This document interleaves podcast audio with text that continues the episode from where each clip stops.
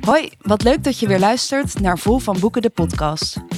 Ik ben Anne-Romee Koeberg en voor deze podcast bezoek ik boekhandels in heel Nederland om me te laten inspireren door de verhalen, tips en kennis van boekverkopers. Daarnaast is er in iedere aflevering een auteur te gast die vertelt over zijn of haar nieuwste boek. Kortom, een half uur boordevol boeken inspiratie en leestips van kenners. Vandaag ben ik bij de Rijnlandse Boekhandel en spreek ik met Erik en Anne Rasmussen. Daarna sluit Martin Bossenbroek aan. Hij won voor zijn boek De Zanzibar Driehoek de Libris Geschiedenisprijs 2023. Hoi Erik. Hallo. Hallo, welkom. Dankjewel. We zitten hier heel mooi midden in de boekhandel die al helemaal in kerstsfeer is. Ja. Heel erg leuk dat ik hier op bezoek mag komen. De Rijnlandse Boekhandel. Vertel, hoe zijn jullie hier zo terechtgekomen?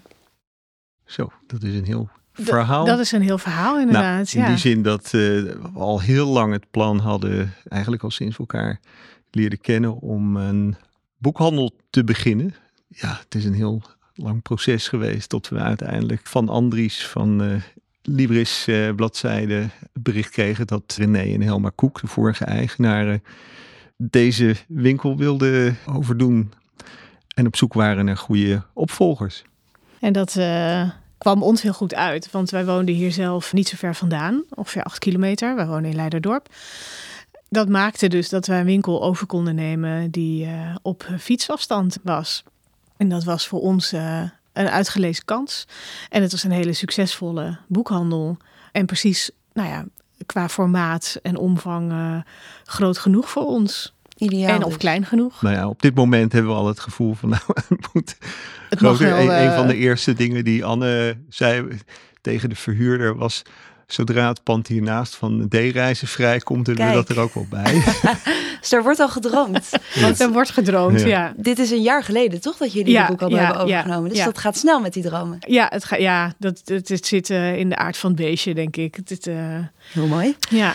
En kun je nog herinneren, de eerste dag dat jullie hier binnenkwamen toen jullie eigenaren waren?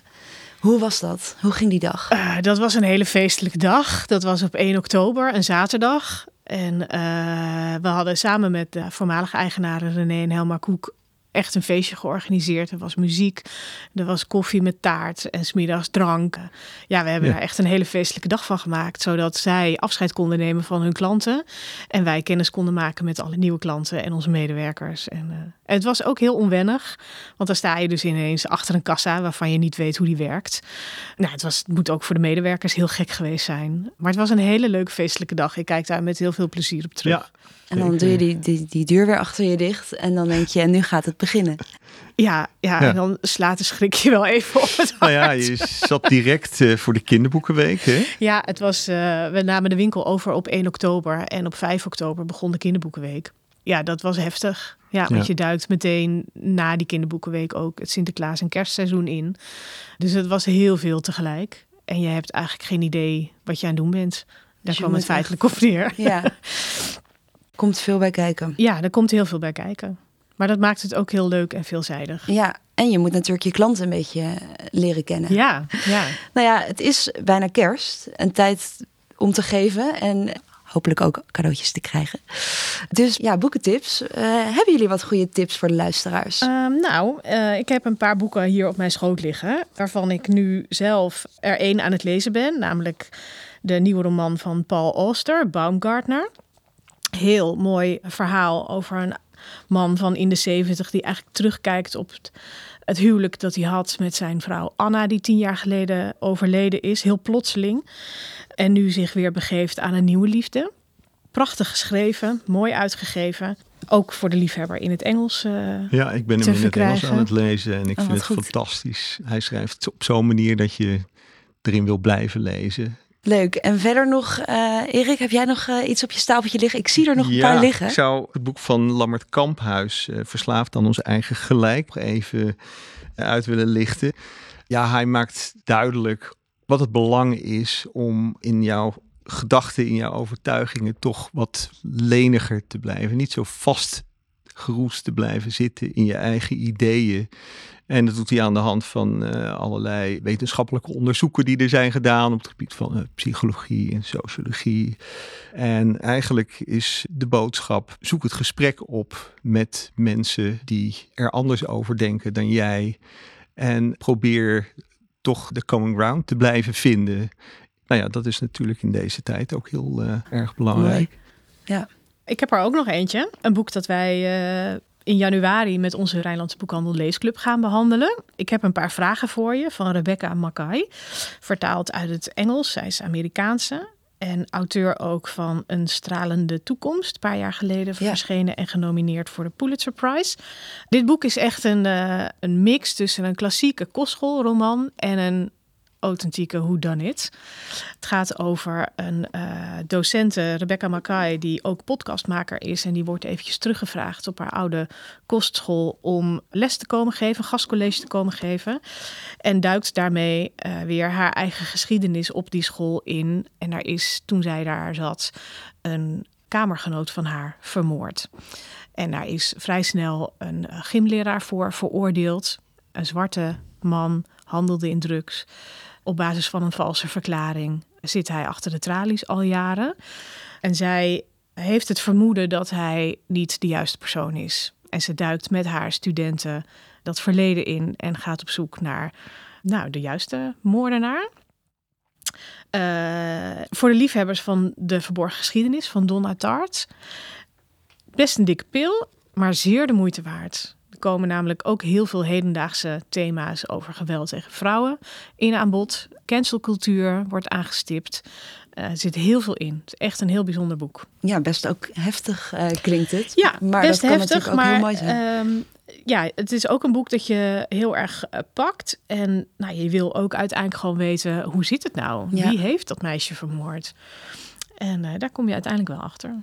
Ik heb deze zelf nog ongelezen in mijn kast staan. Nou, ik kan hem dus echt van harte ik ben nu wel geprikkeld om hem deze kerst erbij Ja. te pakken. Moet je doen.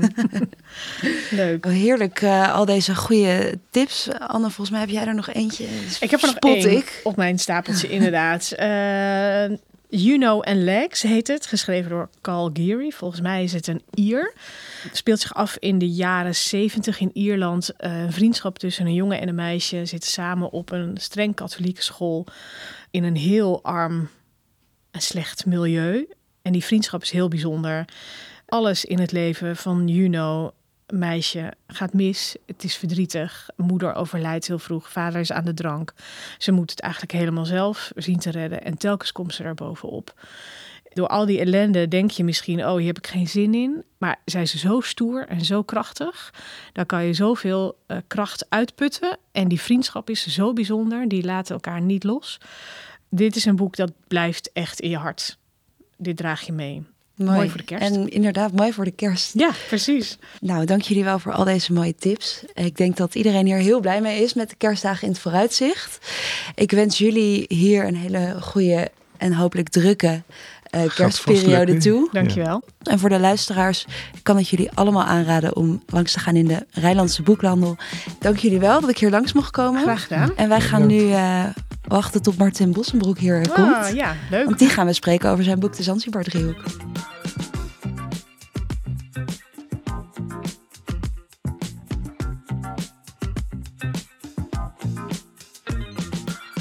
Inmiddels is Martin Bossenbroek aangeschoven. Welkom. Heel leuk dat je hier langs wilde komen in de mooie Rijnlandse boekhandel. Je vertelde net dat je op een steenworp afstand woont. Is dit bekend terrein voor jou? Ja, nou ja, een steenworp, dan moet je wel echt een geoefende atleet zijn. Want het, maar het is niet meer dan een paar honderd meter, dat klopt, ja. Dus uh, dit is voor jou echt wel ja, een, een thuiswedstrijd? Absoluut, absoluut. Vertrouwd terrein. Kom je ja, vaak in de boekhandel? Uh, ja, geregeld. Het is hier zo'n uh, ja, enorm assortiment. Dus behalve boeken hebben ze van allerlei prachtige dingen.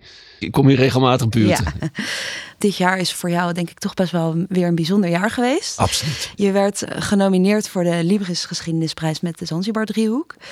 En je hebt de Libris Geschiedenisprijs natuurlijk als eerder gewonnen voor ja. je boek De Boerenoorlog. Ja. Hoe is het om voor zijn tweede keer genomineerd te zijn? Ja, genomineerd uh, is natuurlijk, was al, al een feest. Um, maar vervolgens voor de tweede keer winnen, dat was natuurlijk helemaal uh, geweldig.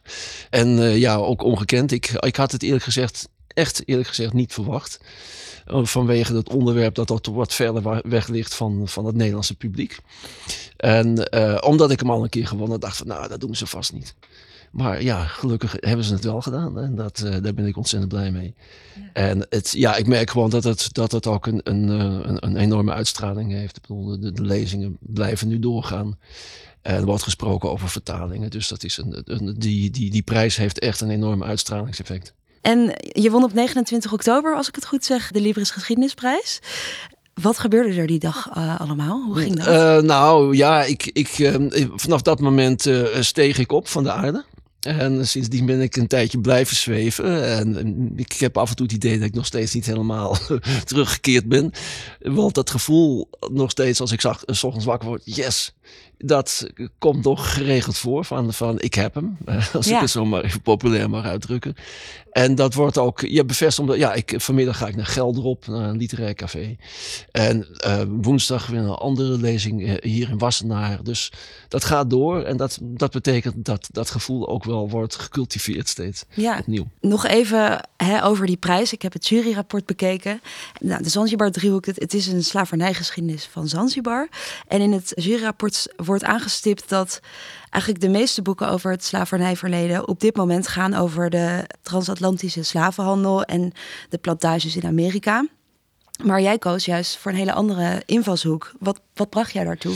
Nou, dat, daar, daar op dat idee was ik al een, een paar jaar geleden gekomen. Omdat ik eh, met, met een vorig boek waar, van tien jaar geleden, de Boerenoorlog, al, al wist dat die slavernijgeschiedenis van Afrika ja, veel uh, rampzaliger nog is geweest dan wij, dan, dan de meeste Nederlanders weten. Want wij weten hier inmiddels behoorlijk veel over de transatlantische slaafhandel, waaraan Nederland heeft meegedaan door middel van de West-Indische Compagnie. Uh, maar als je kijkt naar de, de effecten van die slavernij, van die eeuwenlange slavernij in Afrika, dan is vanuit een Afrikaans perspectief het ook belangrijk om te weten dat dat niet alles was. Het is, het is goed dat wij nu veel meer weten over die, over die uh, transatlantische handel. Um, en dit is, dat is mensonterend geweest. Die, en, en het is, het is af, afgrijzelijke uh, episode. Maar het was nog niet alles dat wist ik al en dacht van nou, dat ik daar nou eens een keer uh, uit gaan zoeken. Dat is een onderwerp dat nog steeds doorwerkt tot op de dag van vandaag. voor als je, als je het uh, leest over conflicten in Afrika, dan is ook dat slavernijverleden altijd nog op de achtergrond aanwezig. Ja, Soedan of, of Mali, dan, dan kun je soms tussen de regels door lezen dat die, ja, dat, dat verleden dat er nog steeds uh, doorklinkt.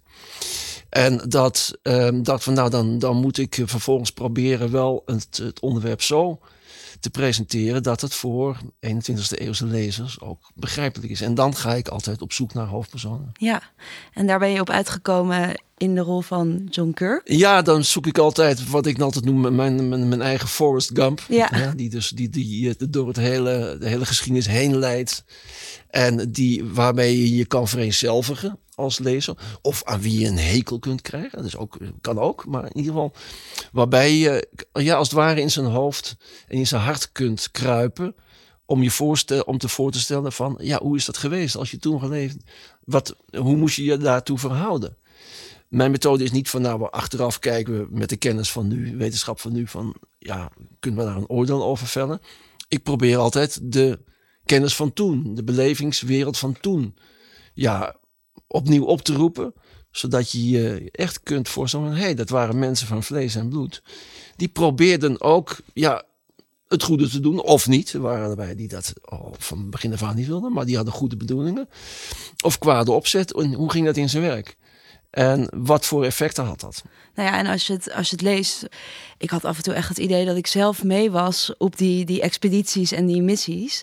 Dus ja, die belevingswereld scheppen, dat brengt ook wel, vond ik heel erg met zich mee, hè, dat je het veel meer tot je neemt eigenlijk dan wanneer het zo heel droog nou, dat vind, ik, dat vind ik heel fijn dus ik was daar heel blij mee. Dat is precies het effect waarop ik hoop dat, dat, dat je je kunt van, hey, dat je jezelf realiseert van, oké, je zit in zo'n situatie. Ja.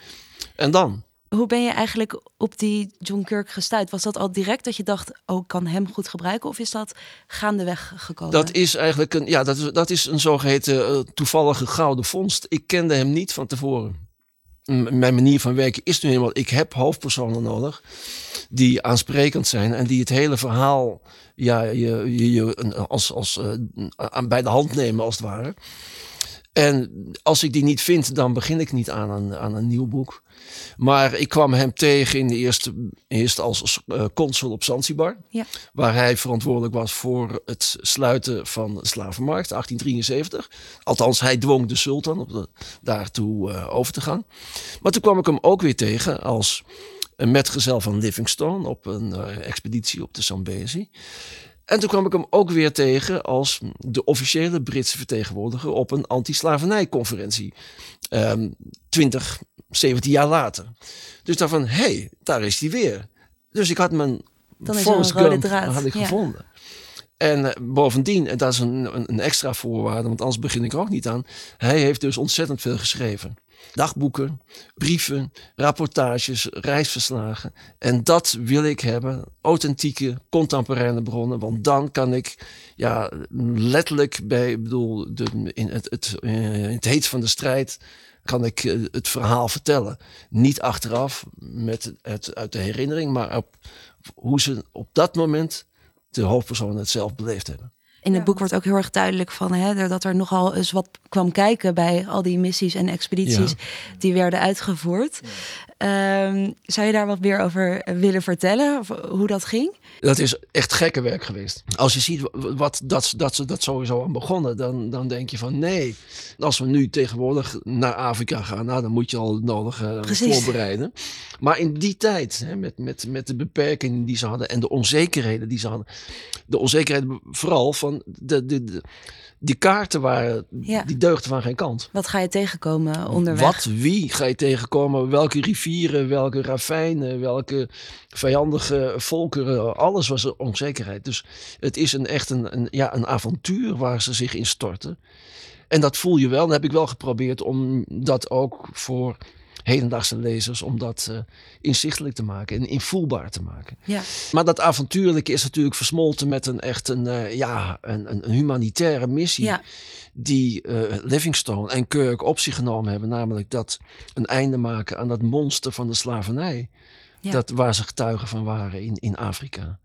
Hè, de, de, de Afro-Arabische slavenhandelaren, ja, die zagen ze gewoon voorbij trekken. Die, die, die, die martelkaravanen. En dat vonden ze verschrikking. Daar moest, daar moest een einde aan komen. Nou, op een gegeven moment las ik de, de vergelijking waarbij mensen of de tot slaaf gemaakte dan werden vergeleken met smeltwater. Ja, ja dus hè, dat, ja. dat je heel veel mensen echt van vlees en bloed maar meeneemt. En Ja. wat er onderweg afvalt, Jammer, jammer. En de rest wat overblijft, daar kan je dan dat is toch meewerken. nog, om toch zo nog winstgevend genoeg om het, om het ja, dat is dus, dus inderdaad het, het, het, eh, het credo van de, de slavenhandelaren. Van ja, eh, jammer van, van de, verliezen onderweg, maar er blijft nog genoeg over om het rendabel, sterk, sterker nog, om het winstgevend te maken. Ongelooflijk. Ja, nou ja, dus die, die Britten die dachten van, nou wij gaan hier tegen optreden. inmiddels wel. Eh, Want het is natuurlijk een beetje, misschien eh, klinkt dat raar voor, voor de, luisteraars, maar de, de, want de Britten zijn natuurlijk ook Ja. eeuwenlang zelf grote slavenhandelaren geweest in de 17e, 18e eeuw.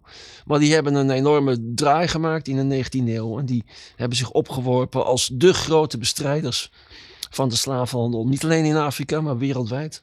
Dus dat is een hele bijzondere draai die ze hebben gemaakt. En dat, eh, ja, en, en, en, en aan het eind van de 19e eeuw dan nog eens een keer een draai. Want ze bevrijden dan wel inderdaad de individuele Afrikaan, maar ze bezetten grote delen Ja, van het hele continent. dat is dan eigenlijk toch weer bijna een gekke, een Dat is, gekke dat, is, dat is nog, nog eens een shoot, zou Ja. je kunnen zeggen. Ja, die ze maken. Ja. Ja, op Zanzibar wordt die slavernijhandel aan banden gelegd. Ja. En er gebeurt vervolgens een heleboel. Ook met name op het gebied van eh, de macht die steeds eh, verschuift. Het hoofdstuk waarin dit allemaal aan bod komt heet ook Landjepik. Ja. Kun je eh, daar iets meer vertellen, hoe, over Ja. vertellen hoe dat ging? Nou, de, de, de Britten, met name en Kirk, die was dus de vertegenwoordiger van de Britten op Zanzibar als consul. Die, die wilde graag een einde maken aan de, de slavenhandel, slavernij. Slavenhandel is dus inderdaad beëindigd officieel. Ik bedoel, eh, illegaal ging het nog wel door op Zanzibar. En, en Kirk die wilde eigenlijk met de sultan wel samenwerken. Die wilde eigenlijk de sultan uh, ja, er, ervan overtuigen dat het beter was om te stoppen met die slavenhandel en slavernij. En dan dus met, door middel van vrije handel ja, de welvaart te bevorderen. En hij was nog wel, uh, ja, eigenlijk wilde hij dat dus via de sultan. Maar toen in de jaren tachtig zie je wat er gebeurt als dus ook andere landen, en met name Duitsland zich in die regio melden, in Oost-Afrika. Dan zie je dat Kirk eigenlijk van denkt van hé, hey, um, um, ik wil best dat de sultan dat zelf allemaal oplost. Maar als de Duitsers het hier gewoon komen inpikken. Want dan kwam er een andere, een, een ontdekkingsreiziger, een Duitse ontdekkingsreiziger, Karl Peters. En dat is het bekende clichéverhaal. Die kwam met een, met een papiertje en daar moest een plaatselijk stamhoofd een kruis op zetten. En vervolgens ging hij terug. Maar kijk maar, hij heeft getekend dat het hele gebied nu overgedragen is aan de Duitse keizer. Nou, toen Kirk dat merkte, toen heeft hij zich wel achter zijn oren gekrapt. En dacht van ja, dan moeten we het maar zelf doen. Want zoals die Duitsers doen, dan kunnen wij beter als Britten dat zelf overnemen, dat besturen en ervoor zorgen dat die slavernij daar echt verdwijnt. En dat is wat er dan gebeurt. Dan, dan zie je dat die plaatselijke ja, conflicten, die worden dan onderdeel van Europese politiek, hogere Europese politiek met Bismarck, de Duitse uh, bondskanselier, uh, rijkskanselier en Lord Salisbury, de Britse premier, die ja, grote rivalen zijn en dan opeens ook Afrika in hun diplomatieke schaakspel betrekken. dus dan wordt Afrika onderdeel van, van de, de grote Europese uh, politiek. En dan wordt dus Afrika ook echt, zoals het heet, gedeeld, verdeeld onder die Europese grote mogendheden. Ongelooflijk eigenlijk, hè? Dat zo'n groot gebied. Het is, het is bizar. En, uh, en dat voltrekt zich in enkele decennia. En het, ja, het, het bijzondere is dat dat dus begint met goede bedoelingen. Hè, van, van de bestrijding van slavenhandel en slavernij. En het mondt uit in het, inderdaad het einde van de slavernij. Officieel, formeel in Afrika, maar bezetting van het hele continent. Zo zie je maar weer hoe dat soms kan lopen. Ja, de, de goede bedoelingen en kwade opzet, die kunnen, die kunnen soms eh, heel dicht bij elkaar liggen. Ja. Nou, je zei net al even dat je zelf ook op Zanzibar bent geweest. Ja. Hoe zie je dat nu nog terug als je daar dan rondloopt? Nou, je, wat, wat het geweldig is om daar rond te lopen, is dat je, dat je, de, de hele uh, architectuur is de slavenmarkt zelf is er natuurlijk niet meer. Um, maar de straatjes daar naartoe, dat zijn dezelfde donkere en smalle straatjes. En het front, het spectaculaire havenfront is ook vergelijkbaar. Want daar zijn de, de grote, dure, luxe toeristenhotels. Maar daar vlak achter ja, zijn dat diezelfde smalle straatjes die leiden naar de slavenmarkt, voorheen de slavenmarkt. En het, ja, het, toch wel het hele bijzondere is dat op die plek van die slavenmarkt staat nu een Anglikaanse kerk. Die is toen uh, vanaf 1873 in zes jaar gebouwd, wat op zich ook al spectaculair uh, snel is.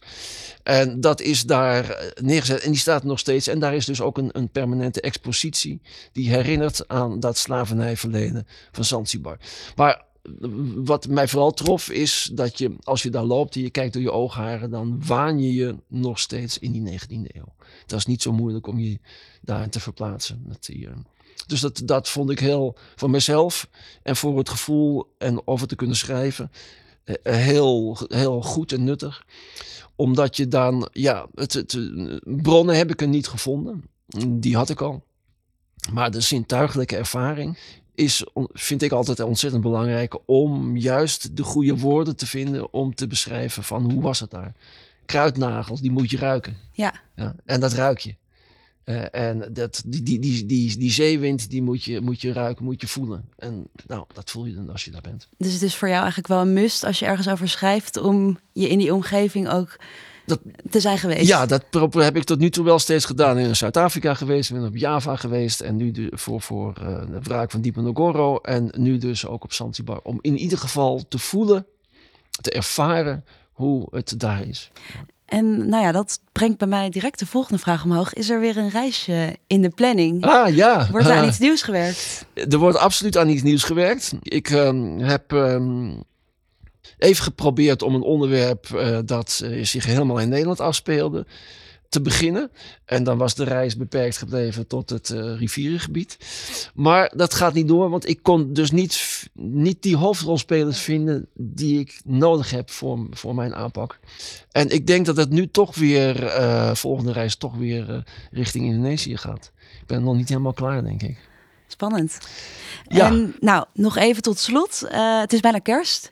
Erik en Anne hebben net al heel veel mooie boeken getipt. Heb jij nog een goede boekentip naast de Zanzibar driehoek natuurlijk? Uh, echt een leestip, hè? Een leestip, ja. ja. ja. Ik vond het boek van Peter Frankopan ook heel nuttig en leerzaam, maar ook goed om te lezen.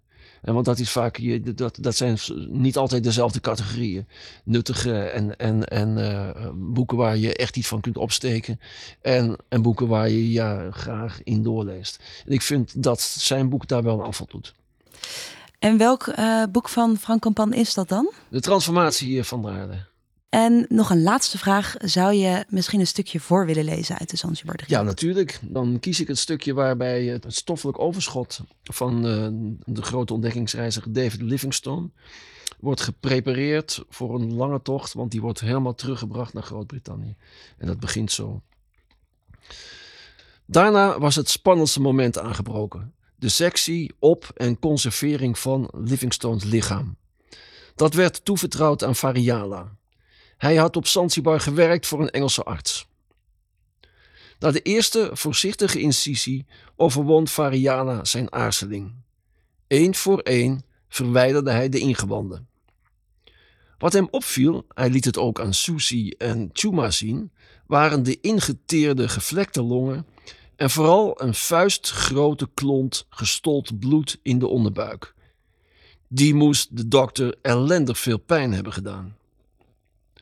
Het hart deed hij in een tinnen kistje dat ter plekke werd begraven onder een boeraboom. Wainwright sprak er een gebed bij uit en kerfde Livingstone's naam en sterfdatum in de bast. Variala strooide zout in de lege borstkas en druppelde brandewijn in de mond en op het haar. Verder was het aan de zon. Het lichaam hoefde alleen elke dag een beetje te worden gedraaid.